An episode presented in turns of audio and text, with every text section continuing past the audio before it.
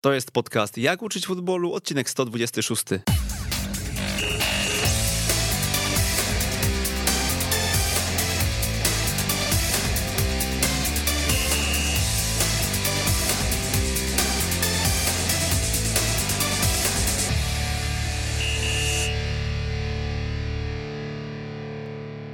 Jak uczyć futbolu, odcinek 126. Przy mikrofonie Przemysław Mamczak. Witam serdecznie.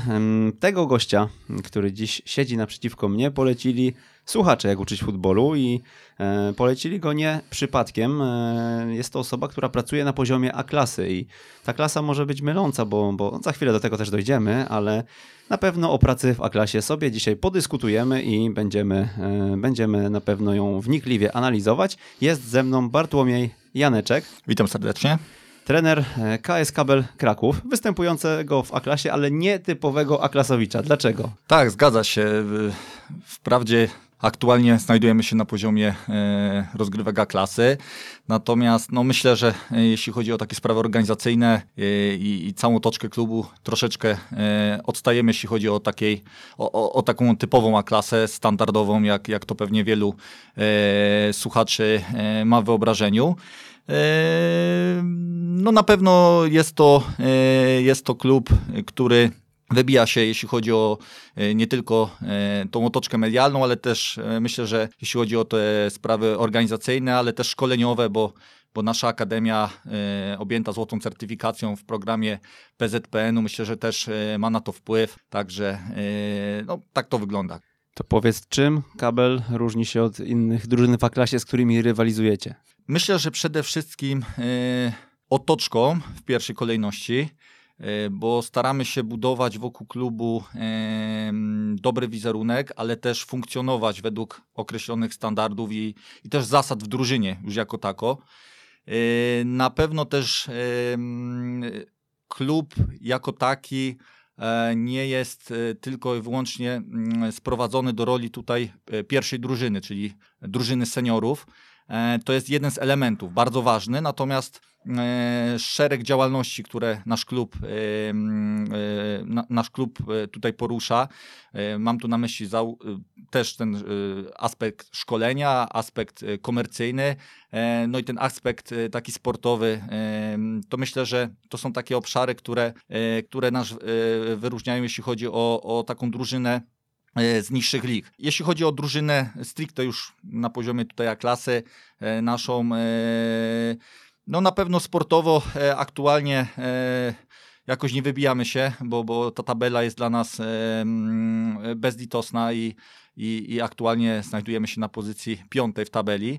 E, Natomiast no, mamy, mamy jakiś długofalowy plan, według którego konsekwentnie podążamy i, i staramy się e, e, realizować, realizować go punkt po punkcie i zobaczymy tak naprawdę dokąd on nas doprowadzi. O kablu było głośno 2,5 roku temu. Mm, Wtedy reaktywowana, e, reaktywowany był ten klub. E, mm, Wy od razu po wejściu do B-klasy awansowaliście. Tak, e, na, po, na początek mieliśmy wystartować w klasie C, natomiast zlikwidowano wtedy te rozgrywki i, i wystartowaliśmy od, od klasy B. Em, Czyli dwa awanse w jeden sezon. Tak, dwa awanse w jeden sezon. Ja drużynę rekrutowałem e, tak naprawdę kilka tygodni w ogóle przed startem rozgrywek yy, i, i tutaj tego czasu zbyt wiele nie było. E, Natomiast no, zorganizowaliśmy, zorganizowaliśmy otwarty nabór. e, Wystartowaliśmy e, od poziomu B klasy, czyli od tego ostatniego szczebla. Pierwszym sezonie zrobiliśmy awans i później, e, wiadomo, sezon przerwany e, poprzez e, pandemię. Mm, Skończyliśmy go na czwartym miejscu. No i aktualnie drugi sezon po rundzie jesiennej znajdujemy się no, na piątym miejscu. Natomiast na pewno ten ostatni, ostatni czas e, tutaj, e, jeśli chodzi o, o ten okres pandemiczny, na pewno nie był dla nas łatwy, dla całego klubu, myślę, i też tutaj dla, dla funkcjonowania pierwszej drużyny, myślę, że też był, był e, dla nas trudny, e, ale e, no, powo- powoli gdzieś tam próbujemy się też w tej sytuacji odnaleźć. No dobra, to powiedz, macie to piąte miejsce, mówisz jakbyście byli co najmniej w strefie spadkowej. Rozumiem, że celem jest awans do okręgówki. Tak, yy, aczkolwiek nie jest to dla nas yy, jakiś cel nadrzędny w tej chwili. Yy, nasz cel aktualnie klubu, bo myślę, że tak należy rozpatrywać mm, cało, cały ten projekt, bo, bo, bo śmiało mogę tak o tym mówić, jest taki, żeby powoli, ale systematycznie budować strukturę, fundamenty, stabilne fundamenty i żeby ten awans, czy ten wynik był efektem, a nie celem samym w sobie, tak? I, i e, czy ten awans e, zdarzy się za rok, dwa lub trzy, no to pewnie to będzie efekt jakich naszych działań, które, które będziemy, e, będziemy realizować. E, mamy konkretny plan na to, staramy się go realizować w, w ramach oczywiście możliwości, które aktualnie posiadamy. I wychodzimy cały czas z założenia, że w momencie, kiedy tą pracę będziemy dobrze wykonywać, jako cały klub. E, też przełoży się to na, na, na nasz pierwszą, pierwszy zespół, czyli tych seniorów i, yy, i doprowadzi nas do tego, że, żebyśmy z tej A-klasy awansowali. Yy, natomiast dla nas ważny jest jakby wzrost całe, całego klubu, całej organizacji, nie tylko drużyny seniorów. I to myślę, że to też troszeczkę odróżnia od takiego standardowego podejścia, jeśli chodzi o klub piłkarski, bo zazwyczaj jest tak, że ten pierwszy zespół jest e, oczkiem w głowie wszystkich. Tak? U nas e, w dużej części, e, oczywiście też on jest ważny, natomiast bardziej kładziemy nacisk na te fundamenty, na to szkolenie, na akademię, na rozwój, rozwój organizacji właśnie u tych fundamentów, a pierwszy zespół nasz też jest jakby częścią tego planu, ale nie jest on w tej chwili najważniejszy. Mm, jesteś stosunkowo młodym trenerem, a w wieku 20 lat pracowałeś już w A-klasie i byłeś trenerem e, trenerem LUKS Zalipie. E, później pracowałeś też w okręgówce, prawda? W Jadowi, Jadowniczance, Jadowniki. O, zerkam, zerkam notatki, bo e, sam bym sobie chyba nie poradził z pamięcią. no właśnie, taką drogę obrałeś od razu w piłkę seniorską, bo no, pracujesz też z młodzikami w kablu, zdaje się. Tak, aktualnie oprócz prowadzenia pierwszej drużyny, prowadzę też grupę Młodzika D1 to jest nasz najstarszy rocznik w, w Akademii. Na, od następnego sezonu chcielibyśmy też wystartować z drużyną e, trampkarza U14, właśnie na bazie między innymi tej grupy, którą ja prowadzę. I to też będzie taki kolejny etap właśnie w rozwoju klubu, że to oprócz drużyny seniorów będzie też kolejna drużyna, y, która do nas dołączy, jeśli chodzi o piłkę 11-osobową i taki jest też y, zakres moich zadań w klubie, y, czyli koordynowanie i rozwój, rozwój tych tematów związanych z, pił z piłką 11-osobową i, i tutaj na pewno się ku temu przymierzamy. A jeśli chodzi o y, moje wcześniejsze y, doświadczenia, to tak jak wspomniałeś, przygodę z, y, z trenowaniem zacząłem bardzo wcześnie, bo pierwszy kurs trenerski y, ówczesny UFAC y, rozpocząłem jeszcze przed ukończeniem 20 roku życia i później od razu po zakończeniu tego kursu podjąłem pracę w lokalnej drużynie y, z moich stron. No i to była praca na zasadzie takiej, sprawdzę, czy się do tego w ogóle nadaje, czy, czy to jest coś, co, co, co mi się podoba, czy to jest jakieś e, spełnienie moich, e, moich, e, moich celów. Pracowałem z chłopakami przez rok, przez sezon. Udało się tam w tej, w tej naszej lokalnej klasie wówczas osiągnąć fajny wynik, bo, bo zajęliśmy czwarte miejsce, a przejmowałem drużynę, która Y, spadła, y, natomiast utrzymała się tylko przez to, że drużyna wyżej w tabeli się wycofała. No i tam powiedzmy, że, że ta praca była charytatywna, więc, więc też mogłem skupić się też na innych, musiałem skupić się też na innych rzeczach. Było to zbieżne właśnie z okresem studiów, a traktowałem tą pracę jako oczywiście coś, co, co mnie ma w jakikolwiek sposób przygotować też do, do późniejszego etapu. No dobra, to powiedz, jak e, to jest wchodzić e, inaczej. Nie będziemy mówić, że tutaj dwudziestolatek wszedł na pozycję pierwszego trenera w A-klasie i to jest jakieś super wow, bo no, różne są sytuacje w tych klubach, nie ukrywajmy, że to jest pełna amatorka. Natomiast no, pewnie zderzyłeś się z szatnią starszą od siebie, jednak takimi ludźmi, od których trudno też wymagać pewnie, no bo na tym poziomie e, wymagać e, możemy od jakichś młodych juniorów, którzy wchodzą, chcą się przebić na przykład w takim kablu, prawda? E, natomiast, natomiast dużo trudniej z tymi, którzy gdzieś hobbystycznie kopią piłkę od, od kilku lat na tej przysłowiowej wiosce, no ale jest to już jakieś pierwsze starcie z piłką seniorską. Jak ty to oceniasz, jak ty to wspominasz? No... Na pewno to, to środowisko takie szatni w niższych ligach jest specyficzne i, i na pewno jest to na początku dla takiego trenera, który dopiero zaczyna szkoła życia. I, i tak słusznie zauważyłeś, ja wchodząc do szatni jako e, niespełna 21-latek, e, e, wówczas no, musiałem się tak naprawdę no, zaprezentować jako osoba, która mimo młodego wieku e, wie o co w tym wszystkim chodzi. I myślę, że y, na początek na pewno y, ustalenie zasad, merytoryka, no i takie cechy charakteru, które y, no nie pozwalają sobie też wejść na głowę w pewnych, w pewnych sprawach i, i to, jest, to jest chyba kluczowe na samym początku, jeśli chodzi o, o, o takie wejście na początek właśnie do, do, do szatni seniorskiej w niższych ligach. Myślę też, że dużo zależy od takiego ogólnego środowiska klubu, bo to, to też, e, no nie oszukujmy się, jeśli E, zaczynamy pracować e, w jakimś małym klubiku, e, gdzie, gdzie jest to dosłownie taki klub wiejski, tak? I, i, i no pewne rzeczy jest, jest zdecydowanie trudniej pewnie wyegzekwować i, i też ja się z tym zderzyłem na początek, że musiałem edukować chłopaków w najprostszych sprawach, tak? Czyli przygotowanie na trening, getry, żeby się nie spóźniać, że jak wygląda trening, że, że jest część wstępna, że trzeba przeprowadzić rozgrzewkę, że, że są jakieś treści treningowe, że jest jakiś cel treningu i tak dalej, i tak dalej.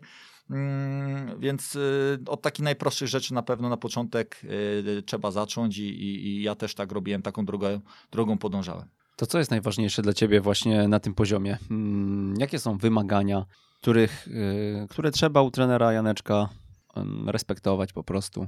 Ja na pewno e, mm, staram się określać pewne zasady, jeśli funkcjonuje z, z daną grupą zawodników i, i no, nie jest to proste, żeby te zasady często wyegzekwowywać, e, ale e, myślę, że e, udaje mi się to. Natomiast takie problematyczne jest często to, że w niższych ligach, ale też chyba generalnie polska piłka jest troszeczkę oparta o kompromis i tutaj na pewno nauczyłem się przez e, te już ponad 7 lat tego, że w niektórych sytuacjach trzeba na ten kompromis pójść. Mimo wszystko, e, nawet jeśli to jest sprzeczne z jakimiś swoimi zasadami, na pewno trzeba być w stosunku do osób drużyny szczerym, transparentnym, bo to też bywa różnie z tym, jeśli chodzi o, o, o to środowisko. I mm, myślę, że to, te elementy są, są e, takie podstawowe, jeśli chodzi o, o takie funkcjonowanie moje z drużyną. Czyli te zasady, tak? Ta organizacja, to przygotowanie, e, oczywiście w ramach możliwości, e, możliwości czy zawodników, czy, czy klubu. Kiedy poszedłeś na kompromis? Taki, z którego jesteś dzisiaj dumny i powiesz, mówisz właśnie, że czasami na ten kompromis iść trzeba. Znaczy, tak, takiego jednego e, elementu to tutaj e, nie wyróżnię bo to jest szereg małych jakichś spraw, na które po prostu trzeba czasem spojrzeć troszkę inaczej, bardziej, e, bardziej po prostu empatycznie na, na tą sytuację spojrzeć, bo, bo, bo no co tu dużo mówić, my pracując na tych niższych szczeblach rozgrywkowych, nawet jeśli ci zawodnicy mają jakieś e, wynagrodzenie, stypendia za grę w, w tych niższych ligach, to często jest tak, że, że mają jakieś swoje prywatne sprawy, E, bo wiadomo, że godzą to, to granie w, w tych niższych ligach też z pracą zawodową i e, no, trzeba być często wyrozumiałym tak, na, na pewne rzeczy, choćby, choćby jakieś sytuacje takie prywatne, e, wynikające z, z jakichś tam sytuacji mm, miłosnych czy, czy zawodowych. I, i, i no, trzeba być tego świadom, że, że ci ludzie, którzy przychodzą później, przychodzą do ciebie na trening, ty masz jakiś plan na to, że chcesz E, chcesz coś zrealizować, ale oni przychodzą tak naprawdę po to, żeby oczywiście przygotować się później na mecz e, w tygodniu, ale też żeby, żeby, żeby porywalizować, tak? Dla nich to musi być jakiś tam element też frajdy.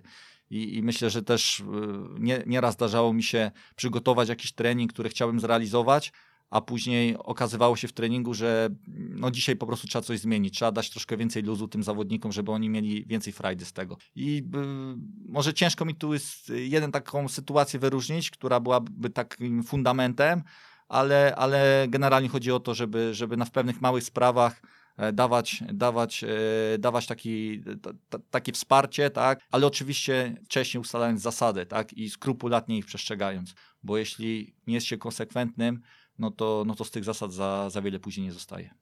Przychodzisz do drużyny na poziomie A-klasy. Mamy spotkanie z drużyną. Wiadomo, wszyscy wiedzą wokół, że będziemy walczyć o awans. Przygotowałeś już projektor, wszystko gotowe. Przychodzą zawodnicy. Jakie zasady ustalasz z zespołem? Chodzi tu generalnie o, o, o, odprawę, tak? W jaki sposób. No twoje pierwsze spotkanie, no jakieś zasady, tak jak powiedziałeś, aha, są okay. kluczowe, nie? Mhm. I musisz je ustalić i przekazać zespołowi. No, jesteśmy zespołem, siadamy mhm. i słuchamy. Tak, jeśli chodzi o, y, o taką odprawę y, przedmeczową, y, oczywiście pilnujemy punktualności. Nie jest to znowu takie proste, bo przykładowo ktoś tam na przykład przyjeżdża z dalsza albo dojeżdża komunikacją miejską też trzeba taką poprawkę na to wziąć, więc y, ja staram się na przykład tą zbiórkę robić jeszcze troszkę wcześniej, żeby na tą, e, na tą godzinę przed meczem, czy te 50 minut przed meczem ci wszyscy zawodnicy dotarli, żeby oni byli już przygotowani, jeśli chodzi o, o głowę, o, o, o takie nastawienie mentalne. Wyciszamy telefony, już fokusujemy się na tym, co, co za chwilę będziemy robili. To przed meczem czy treningiem też? Przed, przed meczem, przed mhm, meczem. Przed treningiem no ciężko wyegzekwować e, choćby godzinną zbiórkę i myślę, że to nie no byłoby no tak. w ogóle potrzebne. Mhm. E, raczej te 15 minut wcześniej, jeśli, jeśli każdy dotrze, to to jest wystarczające. No i myślę, że też jeśli chodzi o, o taką odprawę przedmeczową stricte, ja mam tak, ta, ta, taki styl pracy, że w związku z tym, że tego czasu jest bardzo mało, bo na tych niższych szczeblach rozgrywkowych myślę, że jeśli ktoś jest w stanie e, na poziomie A klasy lub powiedzmy piątej ligi trenować trzy razy w tygodniu lub więcej, no to to już jest dużo czasu. E, my aktualnie w, w kablu e, trenujemy dwa razy w tygodniu lub trzy razy w tygodniu. Wszystko zależy od tego, jak, jak, e, jaka jest e, e, przedział od meczu do meczu, tak? I jeśli jest to więcej niż e, 7, te 6 dni, no to, no to wtedy jeszcze dochodzi ta trzecia jednostka treningowa. Czyli gracie raz w sobotę, raz w niedzielę, czy jak to wygląda? E, różnie, różnie. Mhm. Natomiast jeśli przykładowo jest mecz właśnie sobota, niedziela, no to jeśli jest tam miejsce jeszcze do, okay. na dodatkową jednostkę treningową, tą trzecią, to, to staramy się to wprowadzać. Tak, i wracając do, do, tego, do tej odprawy, bo to bym musiał też cały, cały ten cykl e, omówić, ale generalnie e, ja zawodnikom w momencie, kiedy ogłaszam kadrę, też e, zamieszczam wcześniej, przygotowując już tą treść na treningach, na, na różnych analizach, na odprawie tam przy kadrze, kiedy my się komunikujemy też za pomocą różnych platform, to myślę, że do tego też mhm. później będę, będę nawiązywał. Takie założenia podstawowe na mecz takie podstawowe, bazowe założenia na mecz. Podpieram to czasem jakimś materiałem wideo e, czy jakąś infografiką, tak żeby ci zawodnicy mogli sobie te kilka hasłowych e, założeń jeszcze zwizualizować i tego też wymagam zawodnik, e, od zawodników, żeby się z tym zapoznali i wiedzieli, w formie bardziej takiego przypomnienia, na co w tym danym meczu będziemy zwracali uwagę. Tak? E, dobra, jeszcze wrócę do zasad, mhm. bo powiedziałeś e, o punktualności, mhm. powiedziałeś o tym wyłączaniu telefonów. E, mhm. No jakie jeszcze ustalacie zasady? Jeśli chodzi o, o współpracę o, z zespołem. O współpracę. Przede wszystkim nieobecności. To jest coś, co, no z czym po prostu staram się też walczyć, bo dla mnie niezgłoszenie nieobecności w ogóle na trening to jest totalny brak szacunku dla, dla trenera i, i dla, też dla drużyny, tak? Bo y, ja mogę jak, jakiś trening przygotować, tak, przygotowuję ten trening na konkretną ilość zawodników. Ona, jeśli zmieni się e, z jednej osoby na dwie, powiedzmy, że jeszcze jesteśmy w stanie ten trening e, jakoś zmodyfikować, ale jeśli ta liczba zawodników ulegnie zmianie typu 5-6 osób, albo przykładowo bramkarz nie przyjdzie lub dwóch bramkarzy nie przyjdzie, no to już totalnie zmienia plany, więc absolutnie wymagam do tego, tego, żeby do godziny 16 choćby, e, to jest taka nasza graniczna godzina, mhm. Żeby do godziny 16 danego dnia, w którym odbywa się trening, każdy ma zgłosić nieobecność. O której trening? Yy, Zazwyczaj 19. Zazwyczaj 19. I yy, to jest taka rzecz, którą, yy, której, którą przestrzegamy i, i, i mamy taki wewnętrzny też regulamin w drużynie. Zawodnicy sami sobie tego reg- regulaminu pilnują i w ramach tego regulaminu też tam powiedzmy takie kary, mini kary. Puszka e, jest. e, Tak, e, ci zawodnicy sobie to rozliczają. Nie jest to nic nowego, myślę, że to Czyli funkcjonuje od lat już. w- Jak ktoś nie zgłosi e, nieobecności, co wrzuca dyszkę, czy... Powiem szczerze, że nie ingeruję w to. Mhm. E, zaproponowałem tam pewne rozwiązania, ale dużą autonomię daję tutaj zawodnikom, bo myślę, że jeśli to jest ich, to oni sobie bardziej o to zadbają, niż ja bym narzucał jakieś Mhm. odgórne rozwiązania. Coś proponuję, ale zawsze staram się dawać bardziej propozycje, niż odgórnie coś, e, coś narzucać. Oczywiście są pewne takie fundamentalne rzeczy, jak choćby to tymi nieobecnościami, tak?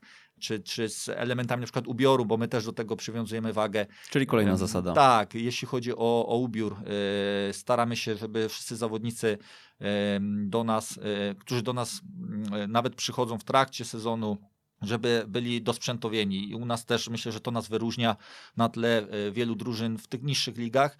Dajemy e, osprzętowanie, czyli dresy, e, górę, dół, koszulki treningowe. E, Zawodnicy na meczach mają e, koszulki, z, stroje z własnymi nazwiskami, z e, numerami. Chcielibyśmy w przyszłości jeszcze bardziej to spersonalizować, może o getry, tak, żeby też pilnować porządku w pewnych kwestiach, no bo to też są takie tematy sprzętowe, które myślę, że ktoś jeśli pracował w niższych ligach, to, to często tego sprzętu gdzieś tam może brakować, więc też jakby dbamy o to, że jeśli jest ta jednostka treningowa, to, to każdy na, tę, na tą jednostkę treningową musi przyjść po prostu w, e, w, w odzieży klubowej, a nie w, w, jakimś tam e, ko- koszulce swojego ulubionego klubu, bo też miałem w przeszłości takie sytuacje, gdzie na, jedną, e, na jeden z treningów mieliśmy zwolennika jednego klubu krakowskiego. E, Stricte nie, nie nawiązuję tutaj do kabla, ale do jednego e, z, z innych e, klubów, w których miałem, miałem okazję pracować. Przyszedł nam na testy zawodnik i on przyszedł w koszulce tego drugiego krakowskiego klubu, czyli, czyli e, animozy tutaj wystąpiły i no nie kończyło się to w, na koniec gierki treningowej zbyt dobrze. Okej, jakieś jeszcze zasady dorzucimy? Em, Myślę, no że to tak, tak, ty masz swój regulamin i pewnie pewne rzeczy traktujesz naturalnie, natomiast Mhm. myślę, że warto na to zwrócić uwagę, bo często e, mówimy o klasie, gdzie wiesz, na To są te zasady, jest po 6-8 tak. osób, Tak. E, tak, i tych zasad warto kilka pokazać, bo ktoś może, kto nas słucha, powie, o, e, no właśnie, wprowadzamy do puszki inny kolor getrów, będzie, no to do puszki po piątce każdy wrzuca następnym razem. Tak, tak. Myślę, że to są takie właśnie dobre praktyki, które warto, warto gdzieś tam e, wdrażać. Natomiast no, e, egzekwowanie tego jest, jest bardzo ważne i wiadomo, że też pewnie podejście do, do, do tego e, jest inne młodszych zawodników albo bardziej doświadczonych zawodników. To też zależy od jakiegoś tam personalnego podejścia do, do takich spraw, ale generalnie myślę, że jeśli ta grupa sama sobie wypracuje pewne rozwiązania, dojdzie do jakiegoś konsensusu i, i y, ustali to wspólnie, to później y, sama się tak naprawdę pilnuje i, i tu nie trzeba chodzić i, i, no nie jesteśmy też y, powiedzmy w przedszkolu, tylko to są dorośli ludzie często, więc no, jeśli chodzi o, o drużynę senior. Po ile osób e, przychodzi do was na treningi? U nas y, generalnie to się sprowadza do tego, że myślę, że taką minimalną ilością osób, która u nas na treningi uczęszcza, to jest y, te 15-16 osób. Oczywiście są jakieś pojedyncze sytuacje, gdzie, gdzie coś może się zmienić, natomiast na, nasza kadra zawsze oscylowała wokół 25-6 zawodników. No też y, my mamy troszkę inną sytuację, bo nasz klub jest ulokowany w, praktycznie w samym y, centrum, czy, czy blisko centrum Krakowa, czyli dużego miasta y, studenckiego i mm, no, my generalnie nigdy nie mieliśmy takich problemów na zasadzie, że nie mieliśmy chętnych zawodników do grania, tak? Natomiast no, z tą jakością tych, tych zawodników bywa różnie i, i, i na pewno codziennie, e, to może nie, ale raz w miesiącu kilku zawodników do nas e, się zgłasza z zapytaniem, czy mogłoby dołączyć. No i różnie z tym bywa, tak, bo, bo czasem jeśli e, widzę, że ktoś ma jakieś ciekawe CV, to, to zapraszam na te treningi. Jeśli ktoś e, widzę, że no, nie, nie do końca gdzieś tam miał jakąś przeszłość piłkarską albo, albo po prostu no, już jest w takim wieku, w którym no pewnie ciężko mu się będzie zmobilizować na, na te treningi, na, to, na te wszystkie zasady, yy, przestrzegać tego, to, to, to, to, no to yy, raczej, raczej yy, rezygnujemy. Natomiast obracamy się właśnie w, w, w takiej liczbie y, od 15 w górę, myślę. A powiedz, y, co się dzieje, jeżeli teraz y, ja będę punktualny z tym SMS-em do trenera i napiszę trenerze, nie mogę dzisiaj przyjść, bo muszę jechać z dziećmi do lekarza. W następnym tygodniu napiszę trenerze, nie mogę przyjść, bo ja mam wizytę u lekarza i tak, i tak będę sobie mm, na te treningi uczęszczał na poziomie, nie wiem, 60-70% e, wszystkich zajęć.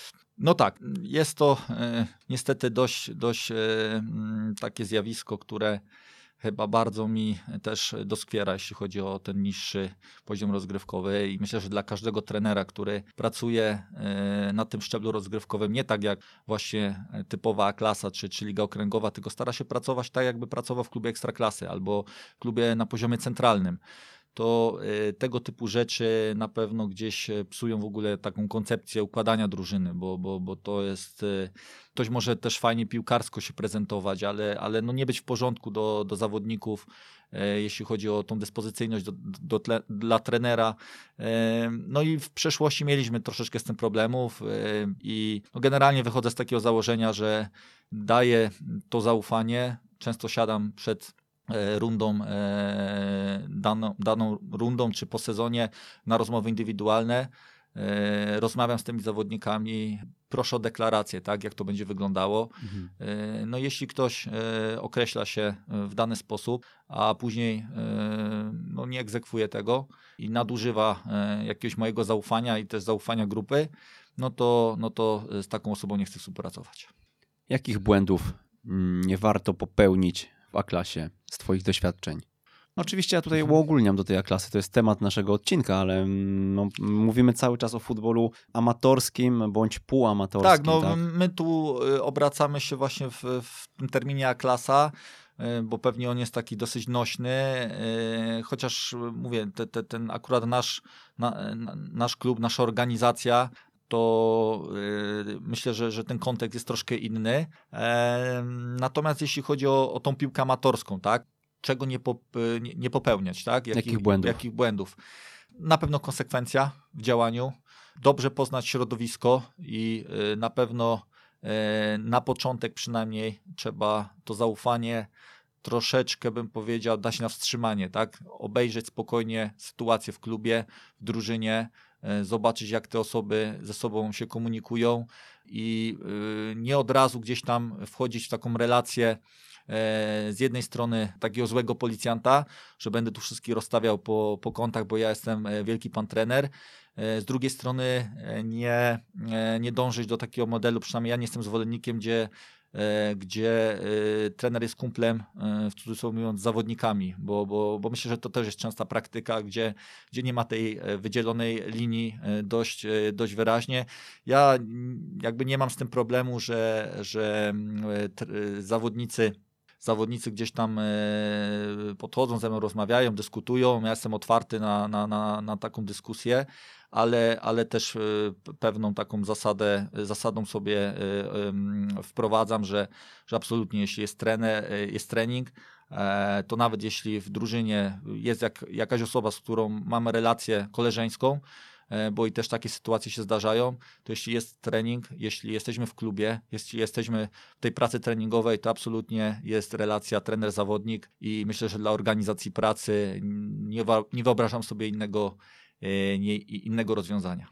A powiedz, jak to wygląda z poznawaniem zawodników? Powiedziałeś, że to jest bardzo istotne, żeby poznać środowisko, a ja sobie myślę, no jest strasznie mało czasu na to, bo jeżeli zawodnik przychodzi 15 minut przed treningiem i macie dwie jednostki e, w, w, w takim mikrocyklu, e, spotykacie się oczywiście też w weekend na meczu, no to przy 20 graczach no, jesteś w stanie naprawdę wychwycić jakieś tam mikro rzeczy, tak? I na pewno w perspektywie oczywiście pracy trzyletniej poznasz tych zawodników, ale, ale, ale w krótszym, krótszym okresie no jest to pewnie skomplikowane.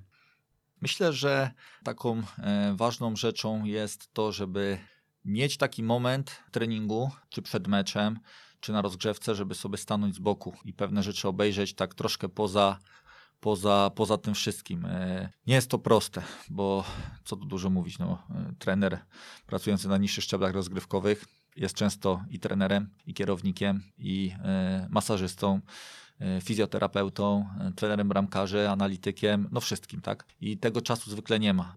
Ja mam to szczęście, że my tutaj w, w klubie, w którym aktualnie pracuję, czyli w Kablu, zgodnie z, z tym planem, który sobie realizujemy, staramy się rozwijać sztab, sztab szkoleniowy i mogę sobie od pewnego momentu na to pozwolić, że mogę sobie tych zawodników obserwować troszkę z boku w pewnych fragmentach, czy meczu, czy rozgrzewki, czy treningu.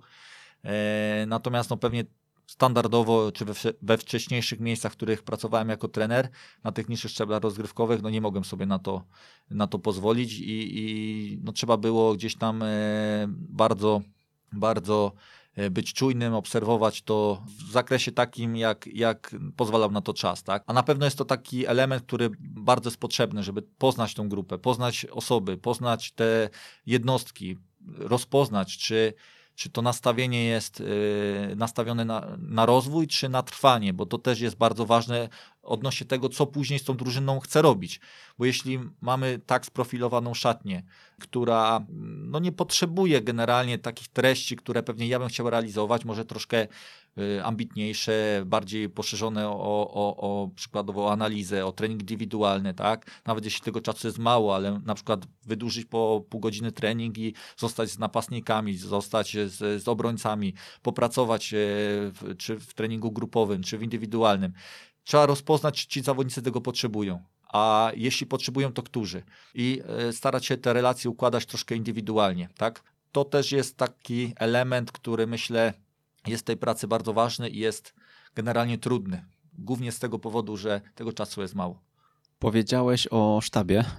W styczniu pojawiło się ogłoszenie na waszej stronie o tym, że poszukujecie asystenta. Jak rozumiem, do ciebie, do sztabu. Tak, y, tak jak tam wspominałem już y, na początku, prowadząc pierwszy zespół, y, od początku całego projektu reaktywacji, korzystaliśmy w, z, z pomocy różnych osób, które, które nam pomagały głównie na zasadzie wolontariatu i, i, i, bardzo im za to dziękuję i wciąż te osoby w jakimś stopniu nam pomagają i myślę, że gdyby nie te osoby, to dużo trudniej byłoby nam pewne rzeczy wdrożyć.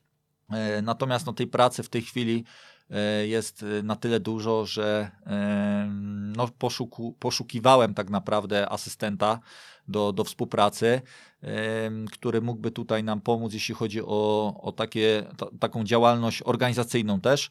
E, taką osobę udało się znaleźć. E, e, jestem zadowolony z tego, że, że do nas dołączyła. Myślę, że będzie bardzo wartościową, wartościowym członkiem na naszego sztabu, całego klubu, bo myślę, że to też jest tak, tak, tak należy popatrzeć na sprawę, że ten zespół pierwszy E, nie jest traktowany tak stricte indywidualnie, tylko ja pracując z pierwszą drużyną i zarazem prowadząc najstarszą drużynę u nas w Akademii aktualnie, czyli drużynę U13 i za chwilę U14, czyli poszerzymy ten segment piłki 11-osobowej o kolejną drużynę, to ta osoba, która do mnie dołącza zarówno pod pierwszy zespół, ale też właśnie pod tę drużynę pierwszą yy, młodzieżową w piłce 11-osobowej. Mhm, no właśnie, mm, bo jak rozumiem, to nie jest zaproszenie do współpracy, tylko oferujecie, e, oferujecie pracę po prostu e, z wynagrodzeniem i tak dalej. Tak, tak, tak. I ty, i ty też, tak jak powiedziałeś, masz inne obowiązki i skupiasz się wyłącznie na pracy w kablu. Tak, od e, roku jedynym miejscem pracy jest, jest właśnie kabel. Wcześniej godziłem to z, z inną pracą w innych branżach. E, no nierzadko też trzeba było godzić to i z pracą, i ze studiami, e, więc to już był, e, można powiedzieć, totalna, totalne gdzieś tam przesada w, pewnych kwestiach, bo, bo, bo spało się bardzo krótko i, i później troszkę tego, tego, tej energii brakowało, ale, no, ale no człowiek dawał z siebie wszystko, jak tylko mógł, czy to w pracy trenerskiej, czy, czy w, innych, w innych tematach. Natomiast no teraz koncentruję się tylko i wyłącznie na pracy tutaj w kablu, a tej pracy jest właśnie dużo, na tyle dużo, że potrzebujemy rozszerzyć ten sztab, bo, bo zarówno drużyna Trump, Trumpkarzy za chwilę, ale ta drużyna U13 nasza, czyli młodzik starszy, e, no wiąże się, to są cztery jednostki treningowe i funkcjonujemy w standardach e, Akademii Certyfikowania na Złotą Gwiazdkę, więc ten etap planowania, przygotowania treningu w odpowiednim, e, w odpowiednim programie, to są godziny pracy. Do tego dochodzi właśnie też drużyna seniorów, dwie lub trzy jednostki w tygodniu.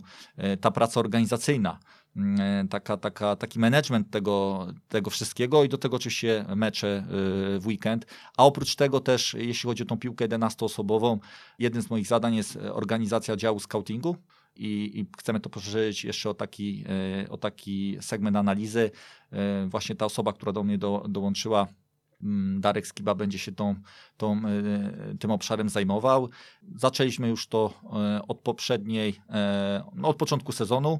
Mamy taką grupę scoutingową, staramy się to rozwijać i, i myślę, że to też będzie taki bardzo ważny element tej, tego naszego planowania rozwoju pierwszej drużyny. Dlaczego to idzie właśnie w takim kierunku, Twoim zdaniem? Bo mm, jak sobie mm, przeglądałem Waszą stronę internetową, E, no to tak, e, tutaj trochę odbiegając od twojej drużyny, ale e, Fan Store, wirtualne mecze z KS Koronawirus, ta akcja, o której było, było gdzieś tam słychać, program stażowy, wcześniej crowdfunding, teraz mówisz o, o, o jakichś tam kolejnych działach, kolejnych zatrudnieniach, no raczej osoby gdzieś, które funkcjonują w aklasowych realiach, myślą sobie, kurczę, skąd oni mają na to kasę, ale tak jak mówisz, tu jest złota gwiazdka w certyfikacji, organizacja w ogóle na pewno też za chwilkę poruszymy temat, w jaki sposób wy się komunikujecie, bo to jest dla mnie coś, coś, coś imponującego i, e, i tutaj to, to mi się bardzo spodobało. Jestem freakiem pod kątem zarządzania czasem i, e, i efektywność, produktywność, te tematy, e, więc też za chwilkę o tym powiesz, ale właśnie co mm, doprowadziło do takiego miejsca, że kabel funkcjonuje i, i ma się dobrze. Myślę, że to pytanie najlepiej byłoby skierować do, do prezesa naszego klubu, do, do, do Macieja e, Zięby, bo myślę, że on, e, on jest głównym prowodyrem tego, że ten klub e, rozwija się dokładnie w taki sposób właśnie, jaki powiedziałeś, czyli wiele takich różnych pobocznych projektów, pobocznych, może złe słowo, wiele różnych projektów, które pozwalają e, między innymi pozyskiwać środki, które później są reinwestowane właśnie w ten obszar sportowy. Głównie chodzi tu o szkolenie. E, no bo oprócz tego działu sportowego, e, mam tu na myśli akademię, jak i tą piłkę 11-osobową, jest też futbolowa Liga Szóstek, która jest organizowana już przez nasz klub, czyli rozgrywki piłki sześciosobowej, na której w ogóle nasza pierwsza drużyna kablowa została zbudowana, tak? I myślę, że to też jest takie super doświadczenie dla mnie jako, jako młodego trenera, trenera, zbudować drużynę na piłkę 11-osobową z zawodników w większości, którzy przez lata funkcjonowali, ale tylko w, w szóstkach, tak? I, i, i, I to też myślę, że było, e, że było e, fajnym i ciekawym doświadczeniem. Turnieje komercyjne, e, różne projekty. W tej chwili takim nowym projektem klubu jest start ligi koszykarskiej amatorskiej, więc tych projektów różnych jest sporo. E, no i to pozwala e, mm, zebrać pewne środki, określić budżet w ramach tego budżetu możemy reinwestować te środki, żeby rozwijać klub właśnie w tym kierunku, w którym sobie e, określiliśmy.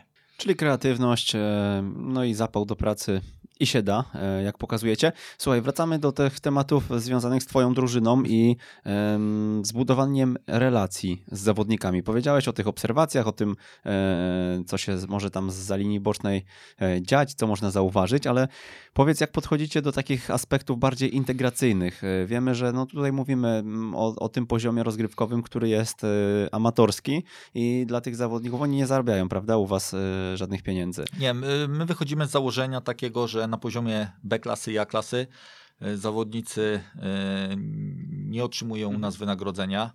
E, natomiast my dokładamy wszelkich starań w ramach tego, na co aktualnie nas stać, żeby zapewnić wszelkie możliwości do, do rozwoju sportowego, czyli dobrze przygotowany trening, sztab właśnie w postaci czy fizjoterapeuty, czy trenera bramkarzy, czy y, właśnie trenera asystenta, czy analizy indywidualnej, bo jeśli taki zawodnik u nas w drużynie potrzebuje takiej analizy indywidualnej, to może się do mnie zgłosić, czy do, do naszego właśnie y, analityka, który się tym y, aktualnie będzie zajmował. I mm, oprócz tego dochodzi też sprzęt, tak, e, w postaci właśnie e, odzieży, e, mm, odzieży klubowej. No staramy się dać wszystko to, co taki zawodnik potrzebuje, żeby na tym poziomie A-klasy rywalizować, tak trening motoryczny. E, wiadomo, że to jest w ramach tych godzin, które mamy i to wszystko odbywa się na, na, pewnych, e, na pewnych akcentach, na prewencji, na generalnie przygotowaniu e, tych zawodników, żeby byli w optymalnej formie, a nie treningu wyczynowego.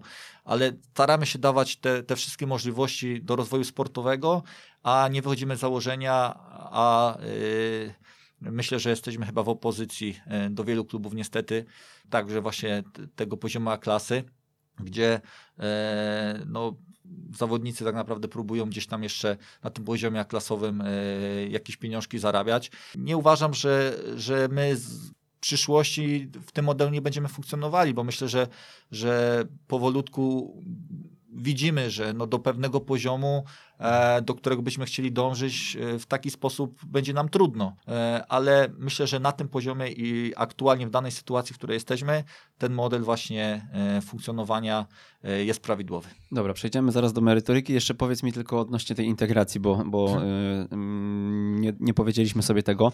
Ja pamiętam takie przykłady, gdzie między klubami no, warunki treningowe były identyczne, ale różniło je atmosfera często.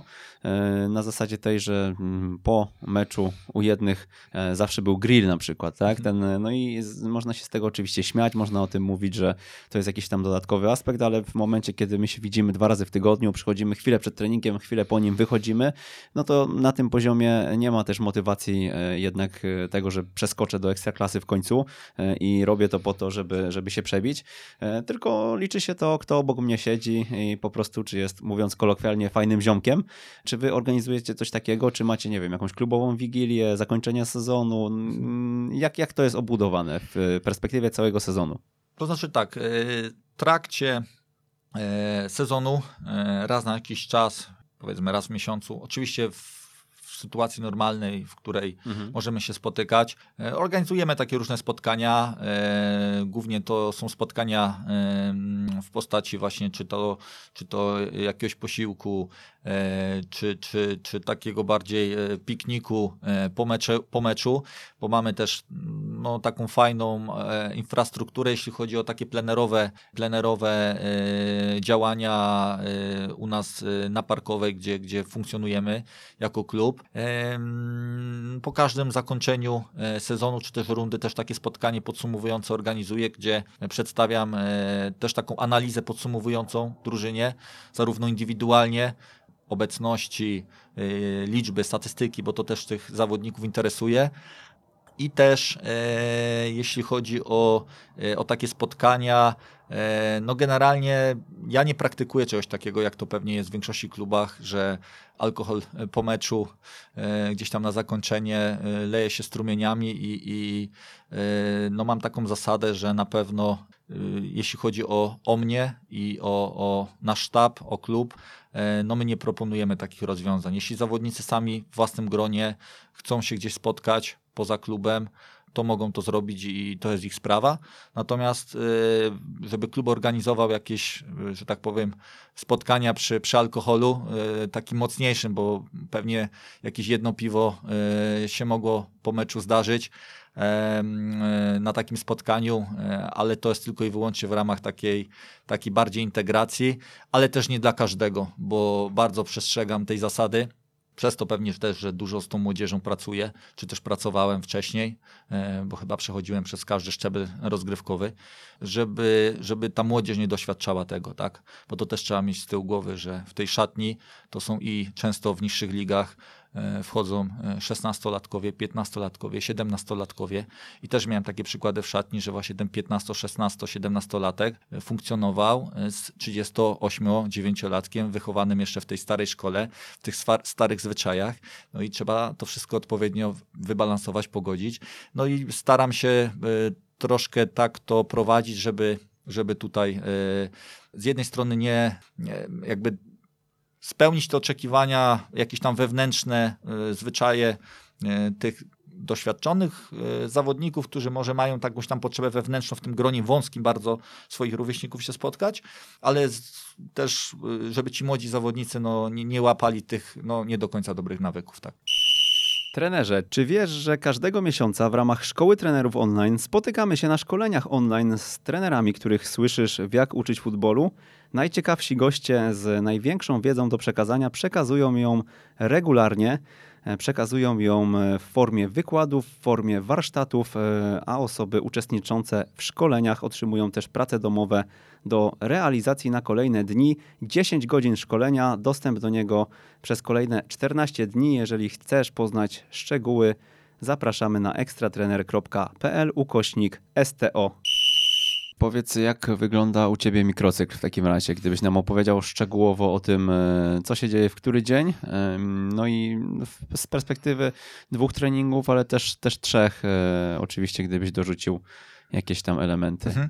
Jeśli chodzi o, e, o mikrocykl treningowy, Trenujemy, tak powiedziałem, dwa razy w tygodniu lub trzy razy. Zaraz do tego też nawiążę. Jeśli chodzi o przykładowy, tak, przykładowy taki mikrocykl, jeśli mamy mecz w niedzielę, to staram się w pierwszej kolejności dać zawodnikom dwa dni wolnego. Doświadczenia też, czy to w kablu, czy w innych klubach widziałem, że nawet jeśli ten mecz E, był e, wygrany dosyć pewnie, to w tym drugim dniu e, po meczu no, ta intensywność tego treningu nie była zadowalająca i jeśli mamy gdzieś ten, ten czas wolny zagospodarować, to myślę, że te dwa dni po meczu to, to jest taki element, który, który powinien być uwzględniony i staram się to pilnować, żeby te dwa dni były, były wolne. Później mamy w środę trening, jeśli ten mecz był w niedzielę. Jeśli chodzi o y, zakres tematyczny, zaczynam od y, fazy obrony, łączę to w blok faza obrony i przejścia z obrony do ataku i później czwartek atakowanie i przechodzenie z ataku do obrony. E, jeśli jest e, trzecia jednostka treningowa, ona może być albo w piątek, albo e, we wtorek, wszystko w zależności od tego, czy te dwa dni od meczu minęły. Tam staram się dać, dawać treści formacyjne, czyli na przykład proponuję, żeby spotkać się z obrońcami, plus szóstka załóżmy i pracujemy już nad takimi treściami bardziej formacyjnymi, nad y, takim konceptem jak piłka zamknięta, otwarta, kiedy wychodzić z ustawienia, kiedy zostawać, y, współpraca y, środkowych obrońców z szóstką i z ósemką, czy boczni obrońcy ze stoperami. No i wiadomo, mecz w sobotę lub w niedzielę. Przed meczem staram się te treści zawodnikom e, w formie takiej krótkiej, e, krótkiego wylistowanego, e, wylistowanych punktów przedstawić w grupie, w której się organizujemy. Natomiast jeszcze wcześniej, w czwartek zazwyczaj, bo tak, tak mamy to zorganizowane, robię analizę i ta analiza generalnie sprowadza się do tego, że my omawiamy już materiał, który jest przygotowany wcześniej, ja zawodnikom umieszczam na grupie, którą, w której się organizujemy. E, my jako klub korzystamy. Na Facebooku, tak? W grupie? Tak.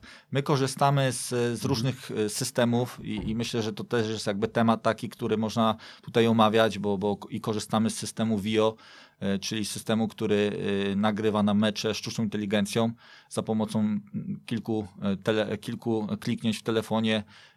Mam nagrany mecz, jeśli chodzi o o materiał wideo. A w jaki e, sposób ten działa, ten system, gdybyś e, rozwinął? Jest kamera, mhm. E, statyw sięgający około 4 metrów. Wyjeżdża kamera zamontowana po rozłożeniu statywu, czy to przeze mnie, jeśli jestem sam, ale też czy to może zrobić kierownik, ktokolwiek w sztabie, nawet mhm. zawodnik. Dwa kliknięcia po połączeniu się zgrywa, nagrywa mecz i później po meczu zapisuje, zgrywa to do chmury, do systemu wspólnego, takiego, do którego mają dostęp zawodnicy po utworzeniu kont. To każdy mecz, każdy trening, czy... Każdy mecz, y, trening, treningi, jeden trening nagrywałem, mhm. ale raczej staram się nagrywać y, mecze i gry wewnętrzne. Mhm. No dobra, ale to powiedz jeszcze, gdybyś e, oszacował koszty takiej inwestycji, bo to e, mówimy statyw i zwykła kamera, czy jakaś e, To jest specjalna? system, to jest No, system, okej. y, to jakby głównym, głównym kosztem jest dostęp do, do całej tej Aplikacji. chmury, tak, do Mhm. oprogramowania.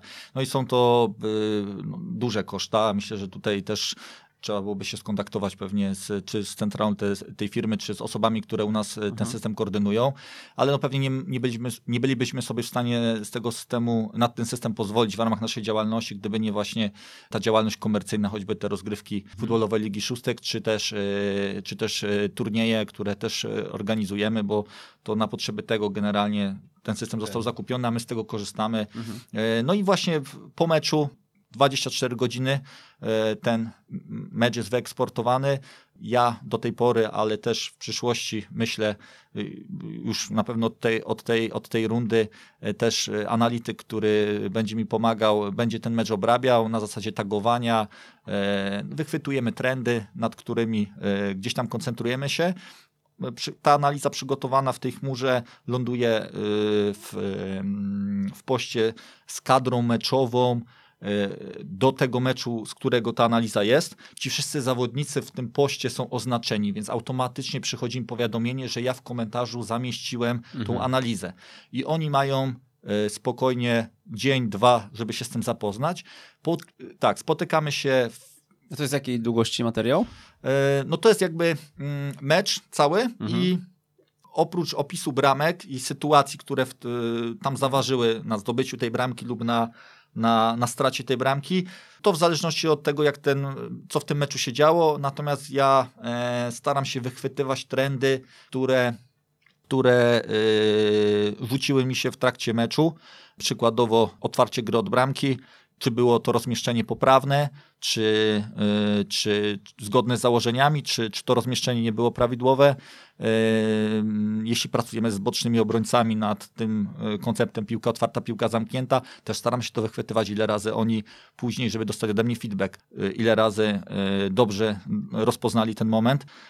Raczej staram się w tych analizach pokazywać, pokazywać te dobre momenty, ale zazwyczaj też działam w modelu powiedzmy 5-6 dobrych momentów, 5-6 słabych, które musimy poprawić i y, zawsze one staram się nawiązywać do tych treści, które robiliśmy y, w tygodniu poprzedzającym y, lub z czymś, z czym mieliśmy problem i nad, czymś, nad czym pracujemy, tak? E, No, więc później, jeśli spotykamy się z, z drużyną, czy to w środę, czy to w czwartek, e, oni są już zapoznani z tym materiałem. To był suchy materiał wideo? Tak, tak. czym- Oni tam mają otagowane to wszystko, Okej. więc mogą sobie zarówno cały mecz obejrzeć też na przyspieszeniu lub nie, e, więc mogą zaoszczędzić troszkę czasu.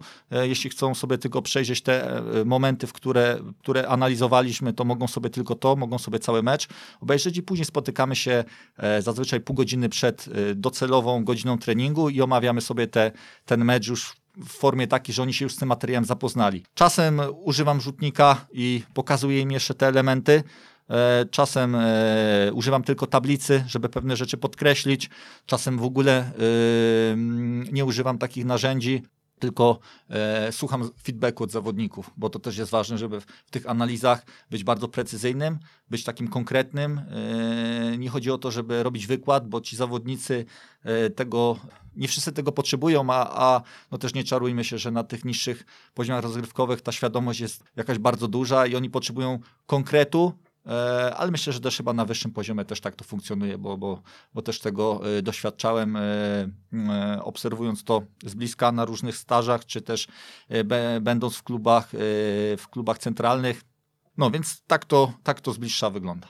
To jest, e, oczywiście wy macie do tego dedykowany system, natomiast myślę, że to jest też do zrobienia e, Jasne. Własnymi, własnymi ścieżkami. Można mm, przygotować to w E, darmowych programach. prawda? Prosty, proste narzędzie, nagrywamy mecz. Ja zanim trafiłem do kabla i, i by- było mi dane korzystać z tego systemu, no to szukałem innych rozwiązań Mhm. i czasem pomagał mi e, jakiś kolega, trener, który miał w danym momencie e, chwilę czasu i nagrał mi ten mecz. Później zakupiłem sobie kamerkę e, taką, która łapała Szerokokątną. szeroko, szerokokątną Mhm.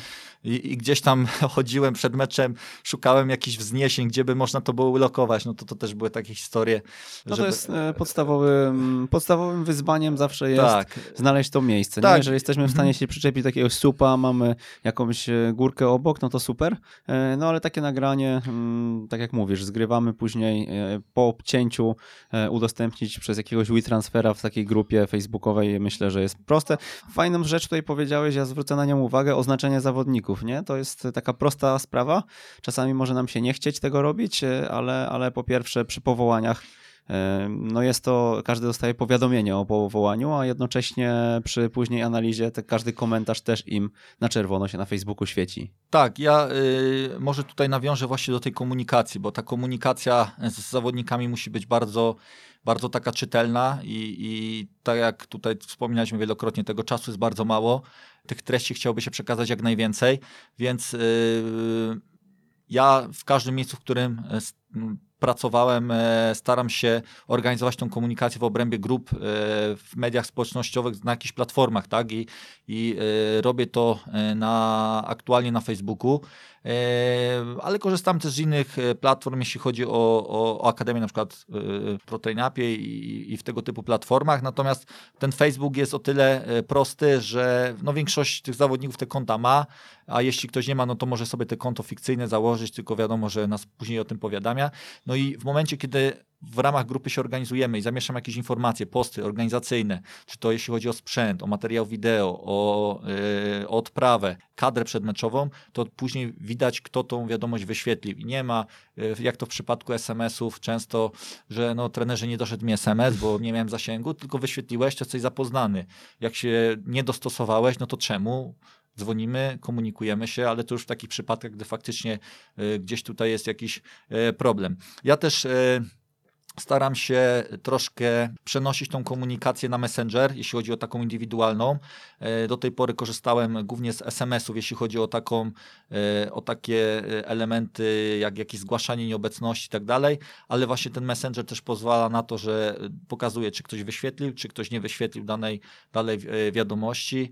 No i tak, tak staramy się y, tą, tą komunikację organizować. Mhm. Jeszcze a propos komunikacji, nawiążmy do klubu, o tym e, wspomniałem. Jak wy się komunikujecie w zespole? Tak, y, jeśli chodzi o, y, o całą organizację, czyli o klub, o osoby, które współtworzą sztab pierwszej drużyny, e, ale też akademię, wszystkie projekty komercyjne. Organizujemy się w ramach takiej platformy jak Nifty i tam ta cała nasza komunikacja e, całej organizacji jest, ta cała komunikacja jest e, dosyć przejrzyście zawarta i e, wiele wątków, które pewnie w takiej bieżącej rozmowie czy mailingu mogłoby uciec, tam, tam się taskujemy, w cudzysłowie mówiąc, i, i możemy się możemy się bardzo sprawnie i E, konkretnie na, na, na, na dane zadanie. jakiś przykład też, jakie zadania się tam powtarzają? No, przykładowo w ostatnim czasie e, transfery tak, i uprawnienia zawodników. Mhm. Tworzymy zadanie, e, oznaczamy osoby, które mają się danym tematem zająć, czy to zorganizowaniem badań dla zawodników, czy prezentacją w, multi, w mediach społecznościowych nowych zawodników, rozliczenie sprzętu za nowych, ze starymi zawodnikami, którzy od nas odchodzą, tak? potwierdzenie transferu i tak dalej, i tak dalej. Czyli wszystko komentowane na bieżąco? I... E, tak, założone zadania, osoby, które za to odpowiadają, e, mają swój, swój deadline, realizują to i widzimy, tak, jeśli jest jakiś problem, no to bieżąco komunikujemy się na tej platformie, każdy tam jest e, oznaczony, dostaje powiadomienie na aplikację w telefonie, więc mamy do tego jakby dostęp. E, ma to swoje wady i zalety. To też zależy od tego, jak, jak kto, ktoś e, jest w stanie sobie z tym radzić, ale e, no, w moim wypadku często kończy się to tym, że w pracy jestem 24 godziny na dobę i, i, i, i no zawsze gdzieś tam e, jakieś powiadomienie, coś ktoś e, zamieszcza, no to ja staram się pomóc na tyle, ile jestem w stanie. No powiedz, jak to odbiera mm, środowisko piłkarskie, bo ja myślę, że trochę brakuje nam tej organizacji. Piłka, mm, futbol zarówno na poziomie młodzieżowym, jak i e, tym seniorskim jest pogrążony trochę w chaosie ciągle. No i tutaj, tak jak mówiliśmy o Maćku, który z korporacji chyba przyniósł e, te wszystkie wzorce i e, funkcjonowanie właśnie w taki sposób, no to mm, mam takie przypuszczenia, że wielu osobom, e, szczególnie na początku, zetknięcie się z takim systemowym działaniem e, no, sprawia wiele kłopotów. To znaczy, myślę, że mało kto e, tak naprawdę o tym wie, jeśli chodzi o, o nasz jakiś sposób organizowania się. No jest to dosyć. Ale nie chodzi mi o waszych mhm. no, trenerów, zawodników, ta, mhm. zawodników może nie, ale, ale osoby pracujące w klubie, mhm. tak? To znaczy, na pewno ja też uczę się pewnych rzeczy, bo do tej pory byłem w stanie organizować się według jakiegoś schematu i on był skuteczny. Natomiast wraz e, z ilością tych obowiązków, które, które e, mam, e, mam w, w moich kompetencjach, no generalnie zauważam, że, że ta aplikacja zdecydowanie mi pomaga, żeby się skutecznie w pewnych kwestiach, czy skutecznie jeszcze organizować. E, na początek na pewno osoby, które wchodzą dopiero e, w, w, taką, w, taką, w taki system pracy, na pewno jest jakiś na początek opór, bo, bo, bo ta terminowość jest wymagana, ale E, ale myślę, że każdy e, to docenia, że, że ma klarownie wytyczone, wytyczony plan, gdzie, jak, co e, ma realizować i na pewno to mocno usprawnia właśnie funkcjonowanie naszej akademii, która jest takim naszym oczkiem w głowie, jeśli chodzi o cały klub, ale też ten segment komercyjny, który tam mocno funkcjonuje i, i mamy tych projektów bardzo dużo i one muszą być siłą rzeczy świetnie dopilnowane, dopięte, i też ten segment sportowy, czyli, czyli y, tą naszą pierwszą drużynę i tą piłkę 11-osobową.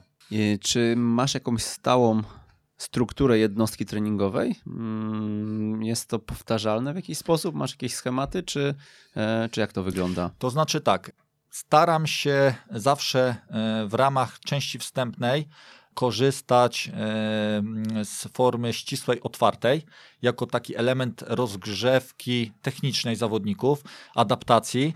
Jeśli chodzi o. Może dawajmy od razu przykład takiego środka treningowego.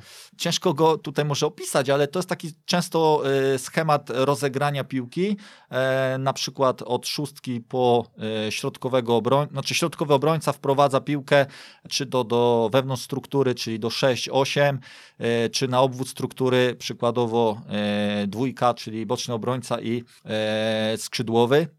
I to jest często taka forma właśnie decyzyjna, że ci zawodnicy mają pewien schemat narzucony, ale oni decydują, czy gramy w lewo, w prawo, czy, czy gramy to w takim tempie, czy na jeden, czy na dwa, czy na większą ilość kontaktów. I to jest taki element e, wprowadzający do treningu.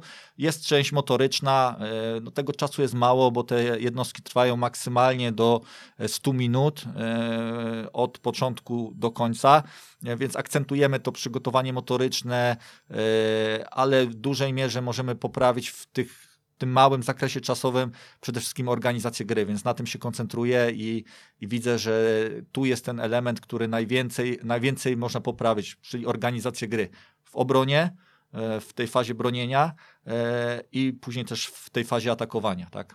Mhm, to rozwiń może ten temat.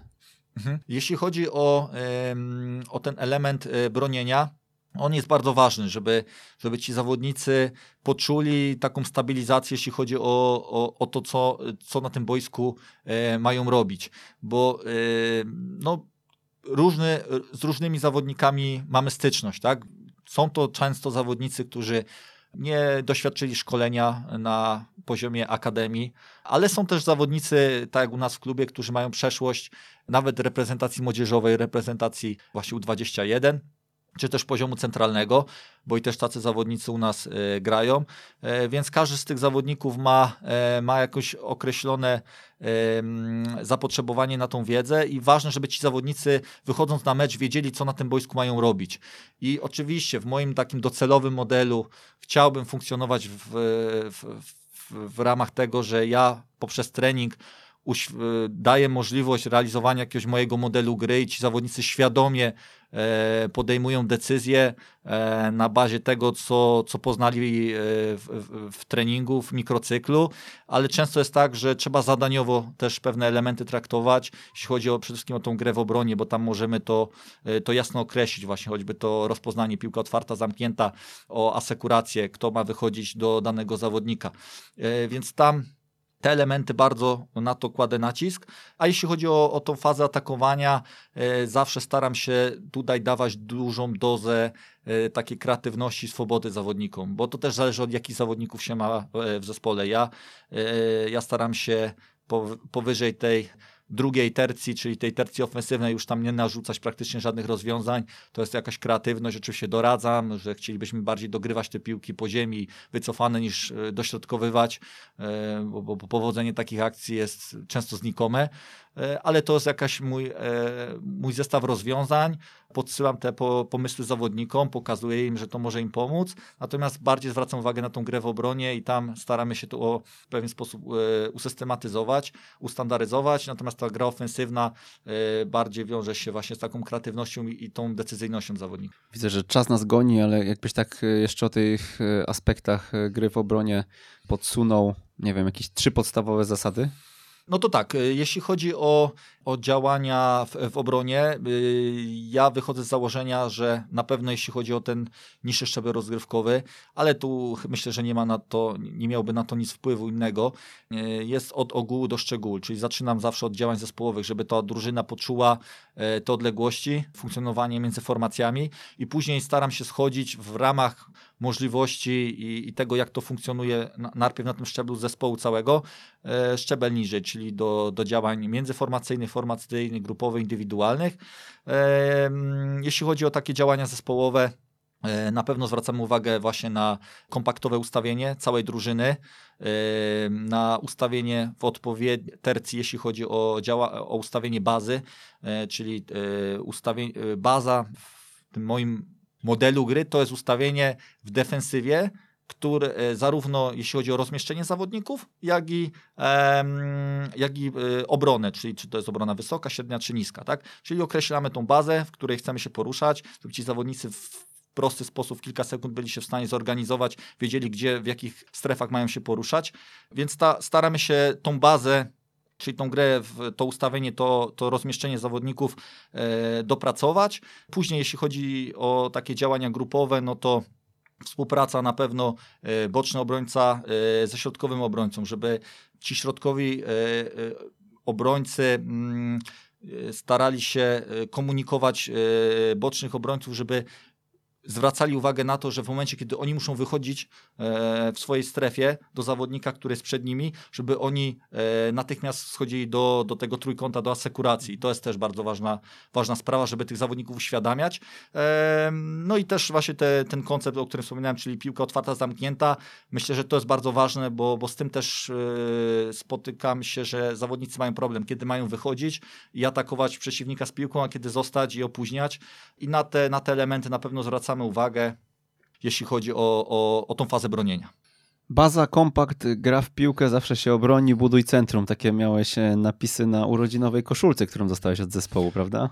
Tak, to, to są takie y, słowa, które gdzieś tam często u nas padają na, na, na jednostkach treningowych. Y, ja też staram się taką kulturę y, merytoryczności w, w, klubie wprowadzać. Oczywiście to nie ma polegać na tym, żeby to był przerost formy nad treścią, bo nie o to w tym wszystkim chodzi, ale pod kilkoma y, pod kilkoma hasłami, y, konceptami, zasadami, jeśli je dobrze komunikujemy, wyjaśniamy, pod tymi konceptami kryje się jakiś pakiet działań, choćby to właśnie jak u mnie struktura drużyny, e, czyli struktura zespołu, czyli to całe rozmieszczenie zawodników po liniach pionowych i, i poziomych, jak baza, jak e, budowanie centrum, czyli dawanie e, opcji e, wewnątrz struktury dla zawodnika z piłką, czy e, graj obwód, czyli zagranie załóżmy od pozycji numer 5 do bocznego obrońcy, boczny obrońca gra piłkę prostopadną wzdłuż linii, czyli gramy po obwodzie.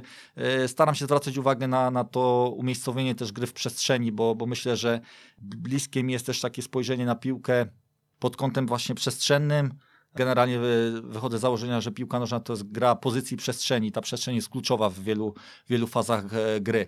Więc no to są takie słowa, które padają i, i to też usprawnia tą komunikację, bo ci zawodnicy pod kilkoma hasłami rozumieją e, za, e, pewien, pe, pewien zakres działań, które mają wykonać, tak? I to my między trenerami możemy rozmawiać, że to jest progresywne wsparcie awaryjne i tak dalej, i tak dalej, ale ci zawodnicy, szczególnie na tym poziomie, oni tego nie potrzebują. Oni potrzebują 5, 6, maksymalnie 10 haseł i oni wiedzą, że jak, jest budować, e, jak mają budować centrum wewnątrz struktury dla zawodnika z piłką, to wiedzą, że się mają porozmieszczać po opcjach, po, po trójkącie, po rąbie i, i dawać tą opcję do zagrania, tak? Więc jakby to, do tego to, to nawiązuje. Tą świadomość też budujesz na pewno przez analizy yy, wideo. Powiedz, ile one są istotne na tym poziomie rozgrywkowym, bo wiemy, że no, analizy wideo mają sens, analizy taktyczne mają sens, kiedy jakość wykonania jest na jakimś tam yy, poziomie, prawda? Yy, my w ogóle się spotkaliśmy chyba na analityku gry sportowej, prawda? Na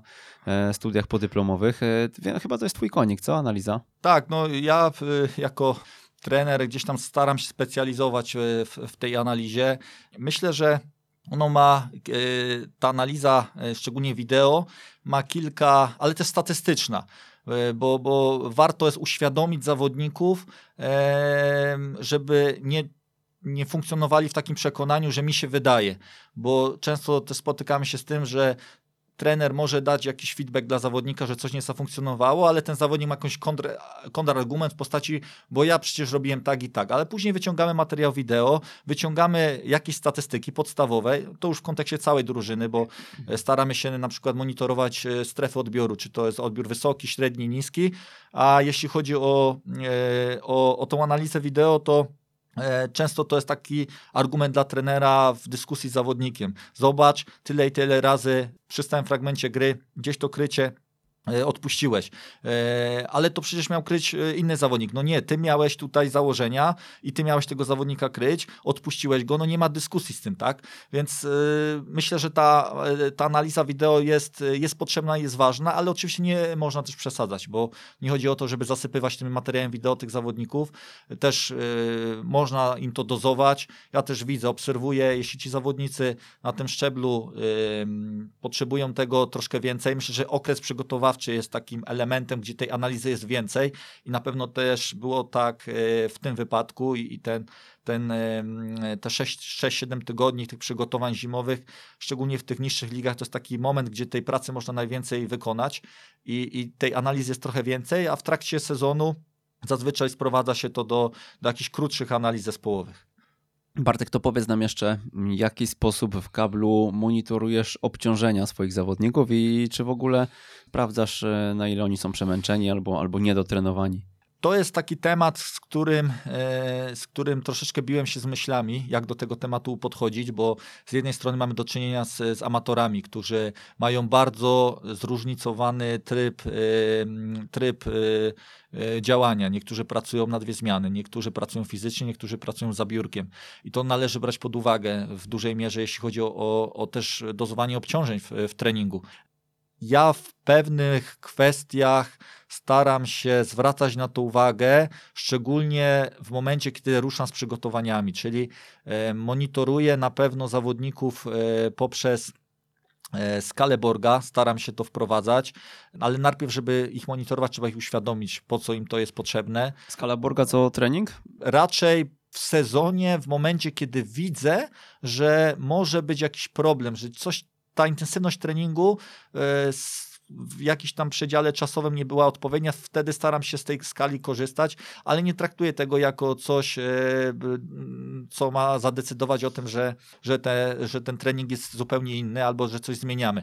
E, korzystamy z z, z, takiego testu jojo. To jest test na powtarzalność interwałów.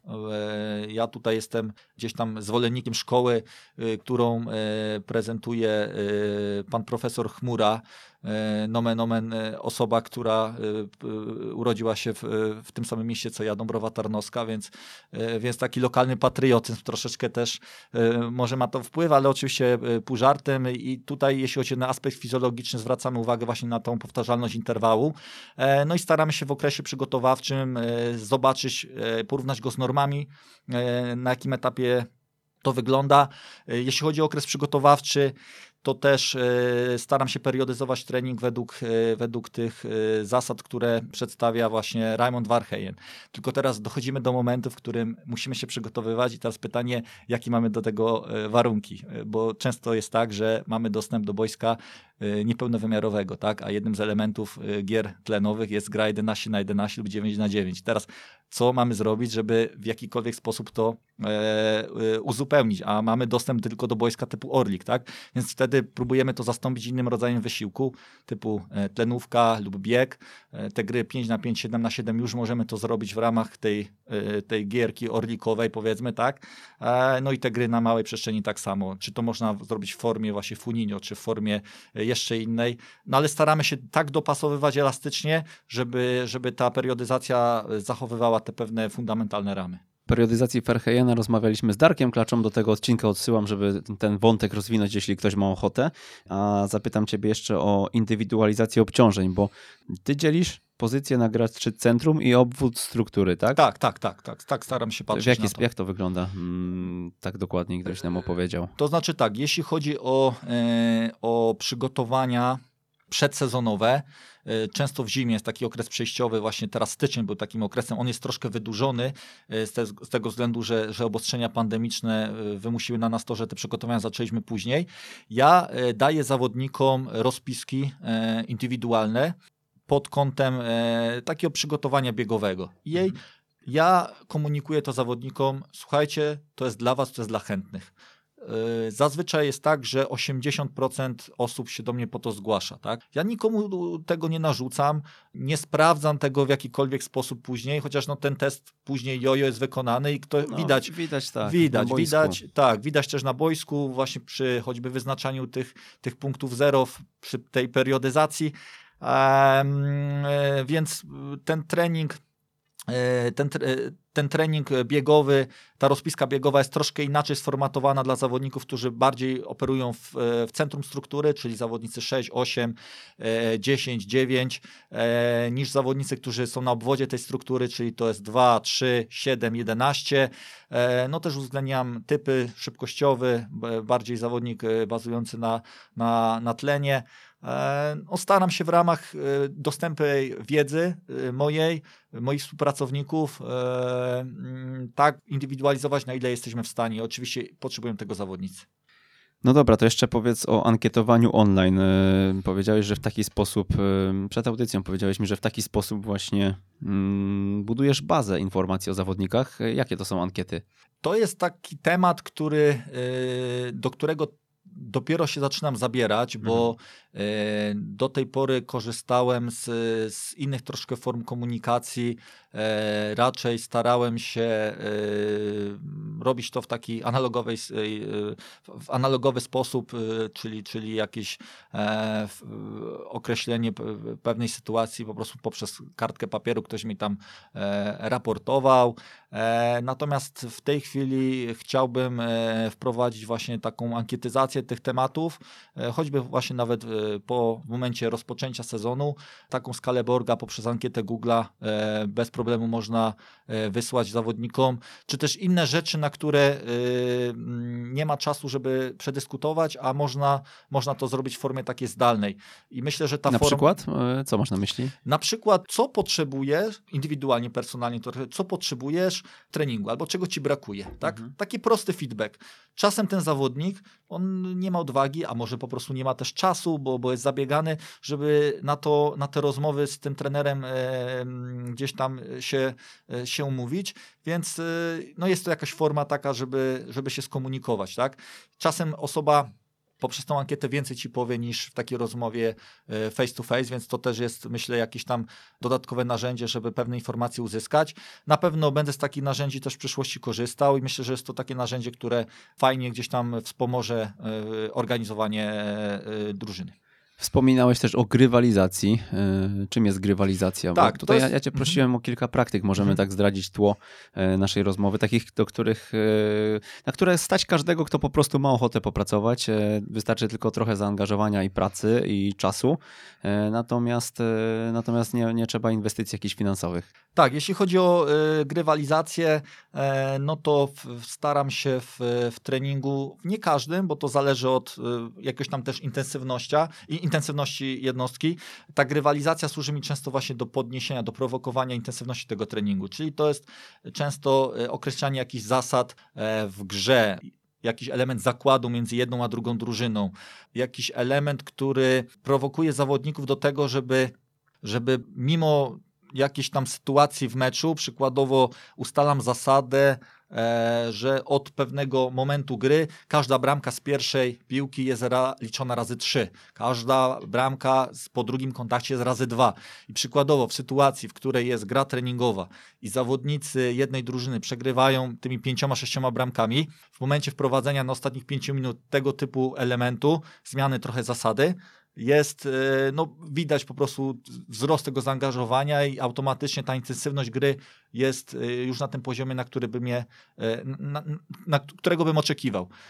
No ale to są też elementy właśnie zakładu, zbierania punktów, różnych konkursów na koniec treningu, tak, rzuty wolne, rzuty, gdzieś takie rzeczy, elementy zaczerpnięte z, popularnego Turbo Kozaka, no trzeba e, operować w, w obrębie właśnie te, tego typu elementów i myślę, że każdy może to fajnie zaadoptować na, na swoje warunki. No to jeszcze muszę zapytać o samą organizację. Ciągłe planowanie, taskowanie, tak mi napisałeś. Tak, jeśli chodzi o, y, o mnie, tak jak wspomniałem, y, ja cały czas się tego gdzieś uczę, bo pewne schematy, które funkcjonowały do tej pory, widzę, że y, w tej chwili nie do końca y, zaczynają funkcjonować, albo widzę, że mogę coś robić lepiej. Stąd staram się zadaniować też na każdy dzień, planować. y, Ale siebie, tak? Tak, planować Okej. siebie, bo myślę, że zarządzanie czasem w perspektywie trenera, szczególnie w niższych ligach, gdzie tego czasu, jeśli ktoś godzi to jeszcze standardowo, a myślę, że w większości wypadków tak jest, godzi to z pracą zawodową w, innych, w innej branży albo w szkole, to myślę, że to zarządzanie czasem jest niesamowicie ważne, bo w dzisiejszym, w dzisiejszym świecie to waluta jest czasem tak naprawdę, tak? I y, to zadaniowość, to, to planowanie jest bardzo ważne, żeby pe, pewne standardy, które ja od siebie wymagam, żeby utrzymać, bo Mhm. to też mi często w pracy mojej przeszkadza, że nie jestem w stanie tych standardów utrzymać poprzez jakiś tam natłok obowiązków, więc staram się zadaniować, taskować, planować, no nie zawsze jest taka możliwość, no bo wiadomo, że funkcjonujemy z osobami w, w, w, takimi, w takim środowisku też dynamicznym, e, pracując z ludźmi i często tutaj pewne, pewne elementy trzeba też brać pod uwagę. Dużo wątków e, poruszyłeś, takich, które w praktyce, mam nadzieję, wielu naszych słuchaczy będzie mogło mm, e, zastosować. A powiedz jeszcze o prezencie dwa zdania, bo przygotowałeś dla nich właśnie coś. Tak, jeśli chodzi o e, prezent, to przygotowałem gry zadaniowe. E, Trzy gry to są z podziałem na strefy, e, jedna gra zadaniowa taka standardowa i są to gry zadaniowe, które myślę, że przydadzą się właśnie trenerom, którzy spotykają się często z realiami takich, z takimi realiami, które które e, e, pewnie rzadko występują na różnych kursokonferencjach, czyli przykładowo 13 zawodników i jeden bramkarz, albo 12 zawodników i nie mamy bramkarza, e, 11 zawodników na treningu, więc gry zadaniowe na każdą z, z tych bloków w fazach, czyli na bronienie i przechodzenie z ataku do obro- z obrony do ataku i atakowanie i przechodzenie z, z ataku do obrony. Te gry zadaniowe otrzymacie w ramach naszego newslettera ekstratrener.pl ukośnik newsletter. Tam zapisać się można, jeżeli jeszcze Was na liście mailingowej e, naszej nie ma. E, I zapytam Cię już na koniec, już zbliżamy się do, samego, do samej granicy, jeszcze jaka decyzja w Twojej mm, trenerskiej przygodzie była mm, z Twojego, z, twojego mm, z perspektywy czasu, tak? E, Najlepsza, jakaś taka e, najbardziej zapadła w pamięć, albo, albo coś, coś w tym rodzaju. taka jedna decyzja, no ciężko by mi było pewnie takie decyzje e, gdzieś tam taką jedną decyzją wyróżnić, ale myślę, że każda decyzja o podjęciu pracy w danym miejscu to była taka decyzja, która przybliża mnie do tego, żeby, żeby się rozwijać jako, jako szkoleniowiec i też jako człowiek na pewno. I zarówno podjęcie pracy właśnie w tych klubach e, poprzednich, gdzie no, stykałem się z różnymi sytuacjami bardzo, bardzo e, takimi mało, e, mało też sportowymi, e, e, z różnymi sytuacjami, więc każde to doświadczenie, y, czy też teraz y, y, współpraca właśnie w ramach projektu Kabel, tak, to, to myślę, że każda ta decyzja y, była taką decyzją, która dawała mi, y, dawała mi, dawała mi coś po prostu. O anegdotach, o wspominkach nie zdążyliśmy pogadać, to na sam koniec z jakim zdaniem chciałbyś zostawić naszych słuchaczy i z jaką radą dla nich, e, szczególnie mówię o tych, którzy chcą popracować e, i popróbować swoich sił właśnie na poziomie półamatorskim albo totalnie amatorskim. Na pewno, żeby brać odpowiedzialność za, za jakieś swoje decyzje, nie bać się tego i później to konfrontować z rzeczywistością. No i też myślę, że warto brać pod uwagę e, fakt, że ta praca, którą się wykonuje na co dzień, nawet jeśli ona gdzieś tam nie jest na tych niższych szczeblach doceniana, to konsekwentnie rób swoje, rób to jak najlepiej, a kiedyś w przyszłości ktoś, ktoś y, powiedzmy cię doceni, ktoś y, życie ci jakoś to zwróci i myślę, że to jest takie, taki element, o którym warto też e, pamiętać. Po prostu mimo e, różnych takich słabszych, słabszych dni, które na pewno wielu, wielu trenerów e, doświadcza na, na tych niższych szczeblach rozrywkowych, czy generalnie w pracy trenera. Bartłomiej Janeczek, trener A-klasowego Kabla Kraków. Jak e, widzicie, jak słyszycie, czasami warto postawić na osoby, które nie są może na świeczniku, a na e, trochę niższym poziomie dzisiaj pracują. E, jak widać, drzwi w Jak uczyć futbolu dla takich osób są szeroko otwarte. Dziękujemy za podsyłanie takich nazwisk, inspiracje. No i co, dziękujemy Tobie, Bartek. Dziękuję bardzo. To był 126 odcinek Jak uczyć futbolu. Przemysław Mamczak. Do usłyszenia. Jeżeli spodobał Ci się ten odcinek i wspólnie z nami chcesz podnosić poziom szkolenia w Polsce, o istnieniu podcastu Jak uczyć futbolu poinformuj jednego znajomego trenera, którego takie treści mogłyby rozwinąć. Z góry pięknie Ci za to dziękujemy i raz jeszcze do usłyszenia.